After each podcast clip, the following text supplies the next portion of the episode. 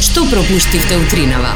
А со крајот на секоја година, Зорке, доаѓаат и е, дилемите и прашањата од типот е, што ќе правиме наредната година, дали се ќе биде како треба или не е, во исчекување на тоа што ќе се случува со нас двајца вчера, е, морав да побарам и стручна помош на таа тема. Од каде? Врте- Вртејќи случајно по разно разни канали, налетав на гатачка. На телевизија? Да. И? И викам, чекај ја да видам Дали прати СМС? пратив СМС. И што ќе биде со нашата судбина? Е, Значи прашав Твојата или нашата? Што Нашата, прашав? нашата. А, викам добро. што ќе се случува, ќе добиеме ли нова сезона? Аха. И викам дај кажи ни аман заман еве јануари доаѓа наскоро, ќе А има ние во ли неизвестност. нова сезона тик так и зорка и нешто викаше вака, онака, вака, онака изгледа и не за баш не и беше јасно што и како, ама е, битно да има Повеќе има одговорот мали беше на позитивни кај вести. да? Повеќе беше на кај Аха, да, да. добра. Ама знаеш како, некои премрежја, нешто ова, нешто она, никогаш не ти даваат баш најконкретен Конкретен одговор.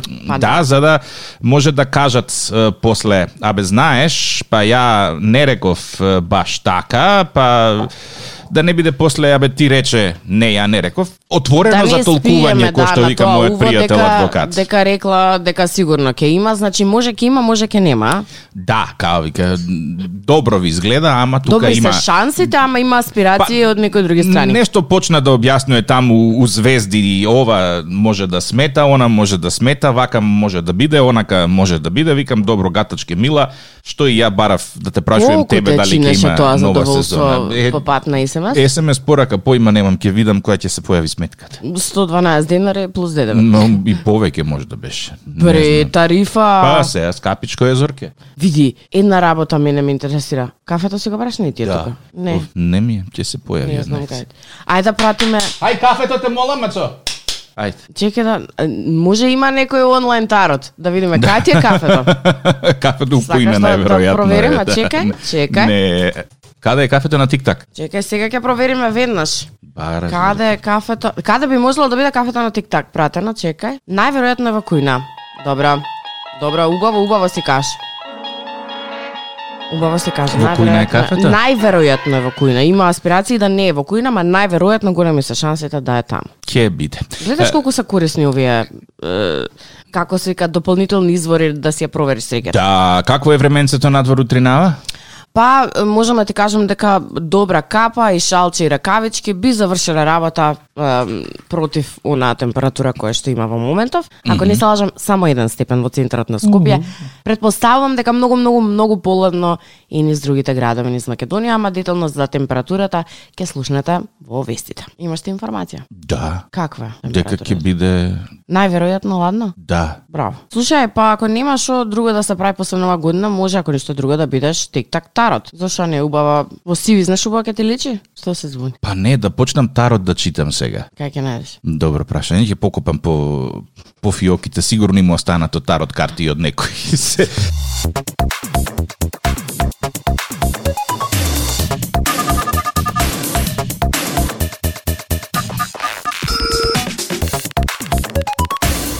Кој е твоето прво вработување?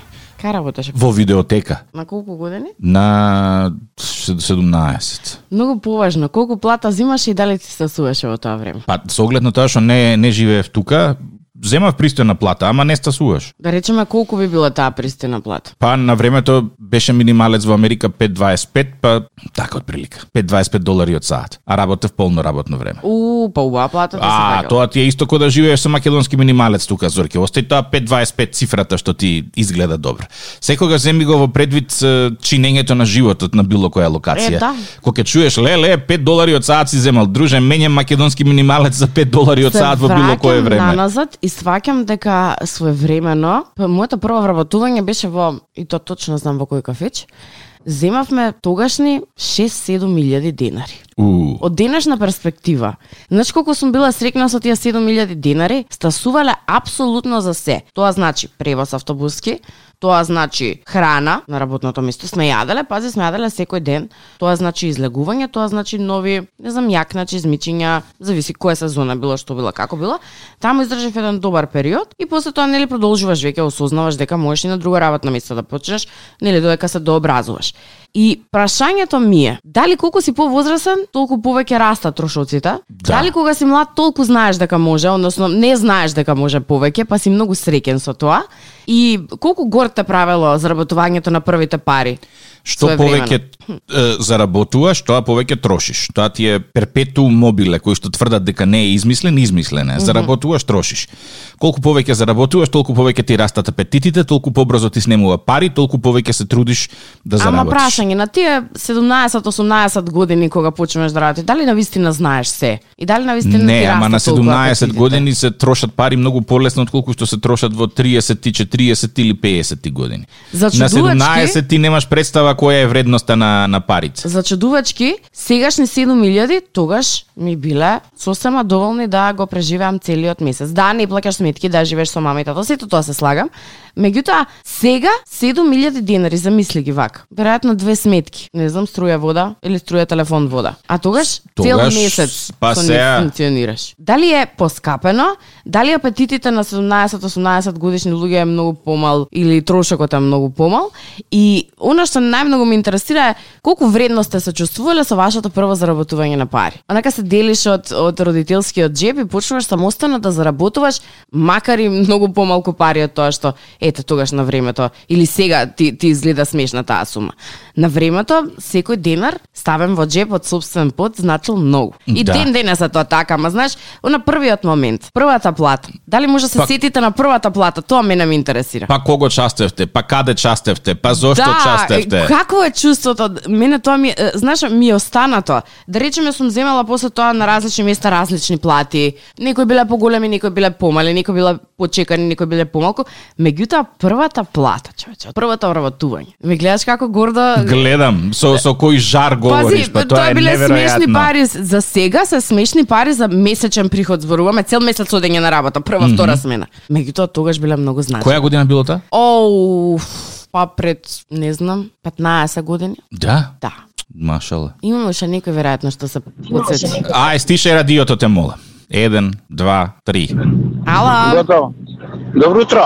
ајде врати се на стари спомени. Скрос радиото изгаси го, друже, те молам, ме болат ушите. Не, колата Не, не, радиото. Добре. За ве слушам. Добро утро. Повели. За првото вработување. Ајде. Првото вработување било мое на 8 9 години. Кај работеше на 8 Зверока, години? Е, првата плата сум ја земал на 8-9 години кога бев. Во а, земјоделска задруга беревме крушки и праски во Зелениково. И, О. браво, браво, браво. Ете, може И некој да помладо дете не сум слуша. само, не сум само јас. Значи тоа ми биле мојата генерација. Ама сериозно се трудеше тоа да го сработиш, нели? Не Мислам, не сериозно, само него се ние- ашкаше Трите, таму. три- Ма како, ние земавме поголема плата од тие што беа вработените таму. Кажи ми како беше што ние сме чувството? переле побрзо. по- Е, па чувството нормално мали на- рачиња. Да, се качувавме на праските на крушите горе без скали, не ни требаше. да- Леле.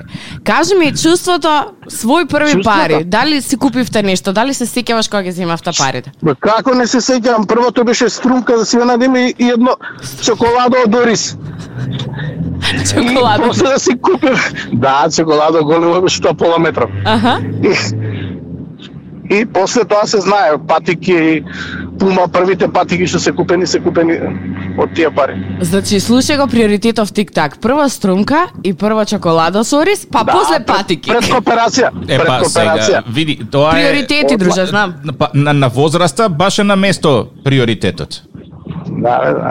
Многу ми е драго што те подсетивме на убави спомени и гледам дека ме- со да, ме насмевка се. евацирав, не сум, да, ама сега што дека работиме за помалку пари работиме.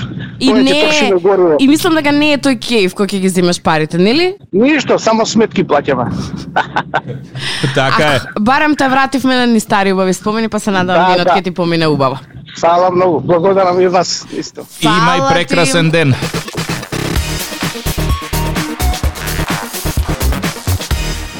Никаде нема абер дека нова година доаѓа. Нити реклами за прослави, ниту пак има некое е, како се вели тоа, украсување низ град.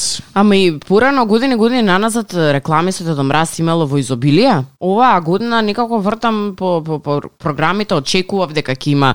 Знаеш, оние карактеристичните за овој период, не знам, е, Дедо Мраз носи пакетче, па Дедо Мраз носи попусти, па не знам. Мислам дека за Black Friday имаше 10 пати повеќе маркетинг околу нас на социјални мрежи, на телевизија, на радио, отколку што воопшто има сега по повод новата година. Кај се тие предновогодишни купувања, подарувања, купете го совршениот подарок, што знам, јас некако немам чувство како да доаѓа нова година, можеби ќе се активираат за некои 5-6 дена.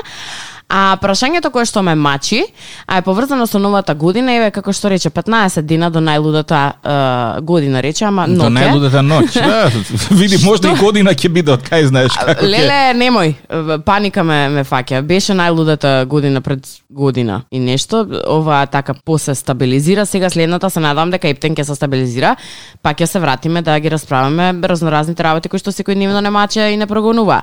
Прашањето ми е, ако човекот учи цел живот, што е оно што те научи 2021? Што е тоа што ме научи у 2021? Дека можам да живеам без да лумпувам, Мирен живот? да, и дека некако ми одговара. Прашање број 2. Дали е, предпоставам дека имаш желби за за околу нова година или за следната година, дали сметаш дека беше доволно добро дете и ги заслужи? Да. Да ти Мада донесе види, ја не еден верувам во тоа дека сум требал да заслужам, па некој треба да ми подари. Не бе, сум си заработил, ќе си купам. Таа е варијантата кај мене. Сам на себе сум си дедо мраз. Добро, е малце сум збунета, значи сакаш да кажеш си ги заработи сите желби кои што сакаше да ги заработиш. Да. Па плодна година си имал колега вака да ти кажам. Па, плодна година била, Зорке, плодна. Кога Искрено. престана да веруваш во Дедо Мраз? На, што знам, негде 6-7 години. А ако сепак веруваш длабоко во себе, во Дедо Мраз, што би си посакал за нова година? Ја некако силом прилике морам да ја верилам таа приказката со Дедо Мраз дека постои ќе ви донесе пакетчиња ако сте умни деца. Др, др, др. Ти оддавна тоа го имаш заборавено, децата твои се веќе пораснати. Да. Ама ако еве треба да да так да влезеш во, во дискусија за Дедо Мраз, што би сакал да ти донесе? Тесла. Тесла каква копач или Не бе Тесла кола, автомобил? кола, автомобил, електричен. Па Ало. добро, различни луѓе, различни желби. Повели. Ало. Ало, добро утро. Добро, утро. Со Дедо Мраз може ли да кажем еден вид само? Дали е Да го за за слушнем. преците? Да, да, да. А, да, добро. да, да, Може, нема може. врз. Ајде. Иде влав кај комшијата пред Нова година и му вика комшо ти имаше пушка, вика. Да, вика комшо. Може ли која ќе означи 12.00 на 31 да пукнеш три пати со пушката? Може, вика, бе, комшо, не е проблем, вика. Да прославиме, вика, Нова година. Доаѓа 12 на 31 декември, пука комшијата и влавот на децата. Леле, деца го тепа, дедо мраз нема пакетчиња годинава. Види, ова е Се брутален смееше. влашки Се вис. смееше под мустак, ама смешно му е. Штедлив виц, ова штедлив виц. Добро, Да. смешка е, ама така е сега ситуациите се такви. Е па се, ако Дедо Мраз мора да се пика под оджаци, така е тоа. Мене прашањето ми е, оджаците и не се толку многу е, широки. Како Дедо Мраз со толкав мев го собира? Магија. Магија, а? добро, може. Може или некој Дедо Мраз на диета годинава, па? Да, ќе го може. со- До- Според вицот нема да има Дедо Мраз оваа година. Фала ти многу што се јави. Има јубав ден. Ајде, поздрав. Добро утро. Ај добро утро, ајде добро утро. Ајде, како си? Што ви требаше? Добро бе, супер. Што ви требаше оваа тема пред да не вратите 45 години наназад, 50 години наназад да буде. Знаеш Прва зошто? Плата, први пари. Ајде. За да се присетиш дека некогаш си бил млад, способен и си можел со плата да живееш. И, и зелен, а? Бе, сега, добро, тоа се подразбира. У- Уште зелен. Брат ми вика ти, зелен ќе си умреш, вика ќе скапеш одма, нема да тоа. Поздрави го, брат, ти многу. Ќе скапеш зелен. Прва плата или први пари, прва плата, уствари плата, не сум земал никогаш. Стално сум бил сам газда, сам паша, у старт кога учев занат. Први пари е да ме вратите да се подсетам на првите пари. Сипав едно моторче, позади сандаче со алатки, татко ми ме научи занат во доводжички дуќан имаше. Струмка ми купуваше, он дома си купуваше, чоколадки си крадев од кај мајка ми од компонера. Опа. И од дуќан, од дуќан учи занат, работи, а бе викам плата ќе ми даеш ли? Каква плата бе вика ти дам, луѓе платеа за да учат занат, ти уште плата бараш. Еве ти адресава, Оди поправија чешмава, земи си пари. Ајде, јас сам моторчето, адресата, поправам чешмата, си земав првите пари, си го напунив цели 3 литра си ставив гориво, си го напунив резервачето и вечер на флипери у зелен рај. Чекај, чекај секунда сега. Со едно местење на чешма си турил 3 литри бензин, така? 3 литри бензин и вечерта флипери, флипери си граф у зелен рај. Е сега, ај сега вака ја да те прашам. Денеска ако дојдеш кај мене да монтираш чешма, Е, без 8 литри бензин не си. не сум. Ја колку што знам сега, околу 1000 дарка само доаѓањето го наплаќаат луѓе. Е па затоа ти викам, само да дојдеш значи без 8 литри бензин не си и ќе остане нешто ситно за ракија, пошто сигурно флипери не играш поише. Флипери не играм нешто слабо ми одат. Се, што тоа е тоа што го викаат инфлација или не? Види, тоа време беше друга приказката. Е, е, со, со една поправка чешма имаше да напуниш резерварчето, имаше рецета и, и сендвич да каснеш ако била покомплицирана чешмата. Ако не била комплицирана, ќе искомплицираш, нели тоа е делот за наетот кој ќе го научиш. Така да, така, газдата да не гледа у друга соба и ти само овка, само овка. Да, леле, леле, Леле, шо се е? уборив газда, се уборив. Оф, леле, фала ти многу што се јави. Имај прекрасен ден. Беше еднаш муабето дека ќе ти лепи плочки, а ти ќе му играш пајдушко на мајсторот. Да, беше, Нема веќе мајстори. така. беше, беше, беше, ама нема веќе мајстори, избега. Е, Здравје. така ќе дојде ред. Ајде, живи, здрави. Ајде, се слушаме.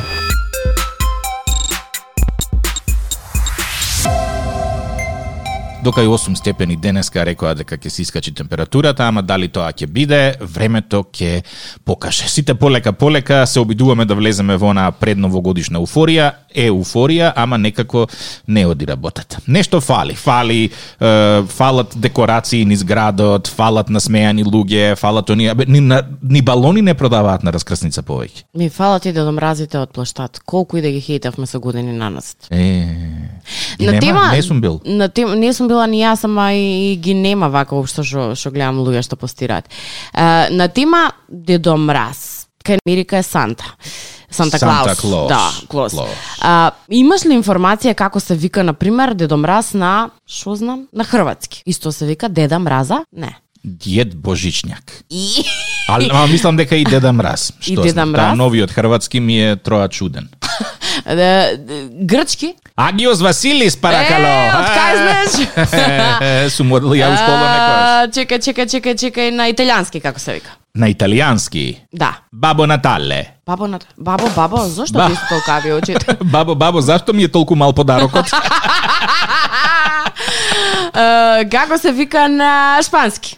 Папа Ноел. А, папа, папа нели татко беше, па и дедо, а да, папа Ноел. Хм, добро. Како Зошто се Ноел? вика? Не знам. За...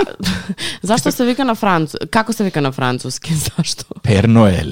И таму е Ноел. Да. Па тоа Ноел најверојатно и нешто студено, ладно. А гарант, судејќи според тоа како се вика е, пеперутка на германски, гарант имаат и за Дедо Мраз некој комплицирано име. 100%. Да. како? Вајншенстан ман. Вајншенстан ман. Вајншенстан ман. Колку е, новогодишно божикно звучи, вака нежно. Вајншенстан ман. Леле, бидете мири, нема да дојде Ваншенстайн мајн оваа година да ви донесе пакетчиња. Eh, Вајншенстайн ман. Па така, лошо, не знам, чудно. Хм. Шведски? Чекај, Вајншенстан ман. Ш- Што почна да бараш? Нешто бараш? Вајншенстан ман. Ш- Што бараш? Weihnachtsmann, Како? Weihnachtsmann. Леле, ама го лутна, многу близко Вајнехцвапа беше. се добро. Ај ти изговори еден куп согласки една до друга. Мислам, Многу божик не звучи, да нам Вајнштан. рачи. Ке го повежбаме после 9 ке ви го кажеме правилно. Вајнштанстан. Е, Има уште еден таков е, eh, јазикокрашачки. Кој? Шведскиот и финскиот да ми се многу смешни. Ајде. На, на, на фински е јолупуки. Јолопуки. Јолупуки. Добро, ама како дедом развака, јолопуки, добро? А на шведски е јултомтен. Јултомтем. Да. Како како? Јул јул како го рече? Ју- Јултомтен. О боже, од кај ги знаеш овие информации? си? Е, Зорке, на интернет све има. и тоа што И, ми кажа. и, и на, на, на унгарски. Верувам дека е најинтересно. На аш завршува. Ај, Микулаш. Гулаш. како ми Мик, Микулаш. Микулаш. Па по логично било да биде Николаш, зашто не е Дед- Дедо Мраз, Свети Никола. Па е, Николаш. ама, кај- ама знаеш дека Никола на унгарски, руски е Микола. Микола, да. Да. Па Па по таа логика, да, Миколаш. Како гулаш звучи, да, како, Гулаш, ама како се- семеен ручек. Знаеш како, е, ние што се шегуваме тука кога кумановци зборуваат српски ставаат ту на крај, така можеш и унгарски да зборуваш само аштај на крај. Само аш Микулаш. И како би рекол било што на унгарски? по таа логика. Имаш, немаш. Имаш? Кај нас повеќе немаш. Имаме еден роден ден за денеска, вртиме кај Билјана. Вози Матис, велат нешто околу колата. Што може околу колата? Наградна игра. Колку луѓе се потребни да го кренат вашиот... Билјана. Да, Ало, Билјана, добро утро! добро утро. Вашиот број е селектиран за да добие награда ако одговорите на едно прашање. На, на прашање. Да, колку лица треба да го кренат вашиот Матис?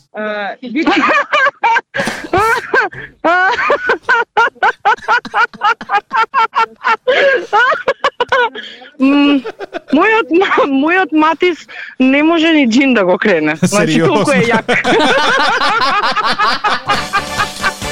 Среќен роден ден. Благодарам многу. Како заразно се смеете. Многу е добра. Многу е добра. Ау!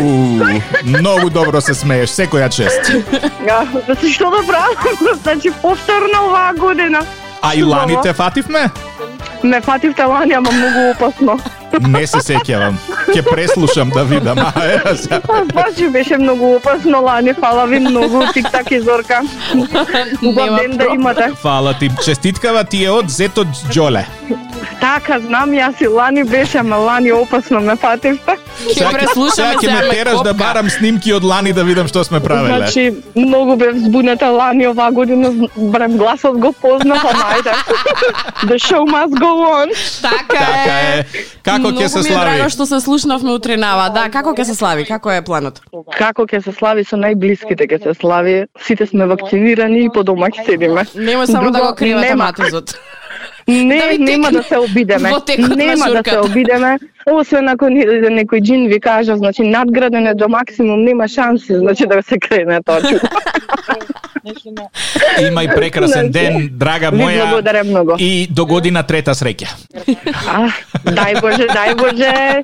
Му благодарам многу на зет ми Джуле, значи, на вистина денот ми го прави поубав еве втора година. Убаво е да се слушнеме. Супер. Драго ми е. Прекрасен ден. Чао, чао. Фала, пријатно. Bude njezon Tik tak i zorga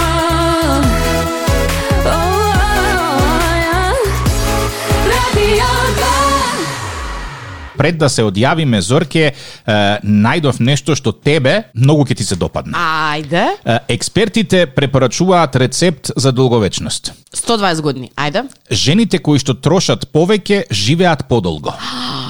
Вели вака, ако сакате да живеете подолго и да се чувствувате помлада, тогаш слободно тргнете да пазарите повеќе и почесто отколку тоа што сте го правеле до сега. Вашите сопрузи нека работат и заработуваат доволно за да вас ви ги обезбедат сите трошоци, а во случај да се бунат, кажете им дека на овој начин нема да умрете пред нив, туку дека ќе можете да се грижите за нив на стари години. Едноставно нема да им дозволите да умрат сами. Иако овој рецепт за долговечност физички е безболен, за најголем број мажи финансиски е многу болен, но немојте да се обесхрабрувате на самиот почеток, туку обидете се. Прашањето што ме мачи. Кој бре не лажеше дека со јаболко се живее подолго?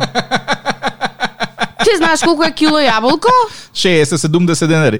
Знаеш колку се парчизми? 200 евра. Па не, може да најси за 4-5 илјади, не мора да дојдеш до 2. Има и за 200 евра, има. Зависи колку работи машот ти. Зависи колку долговечна сакаш да бидеш.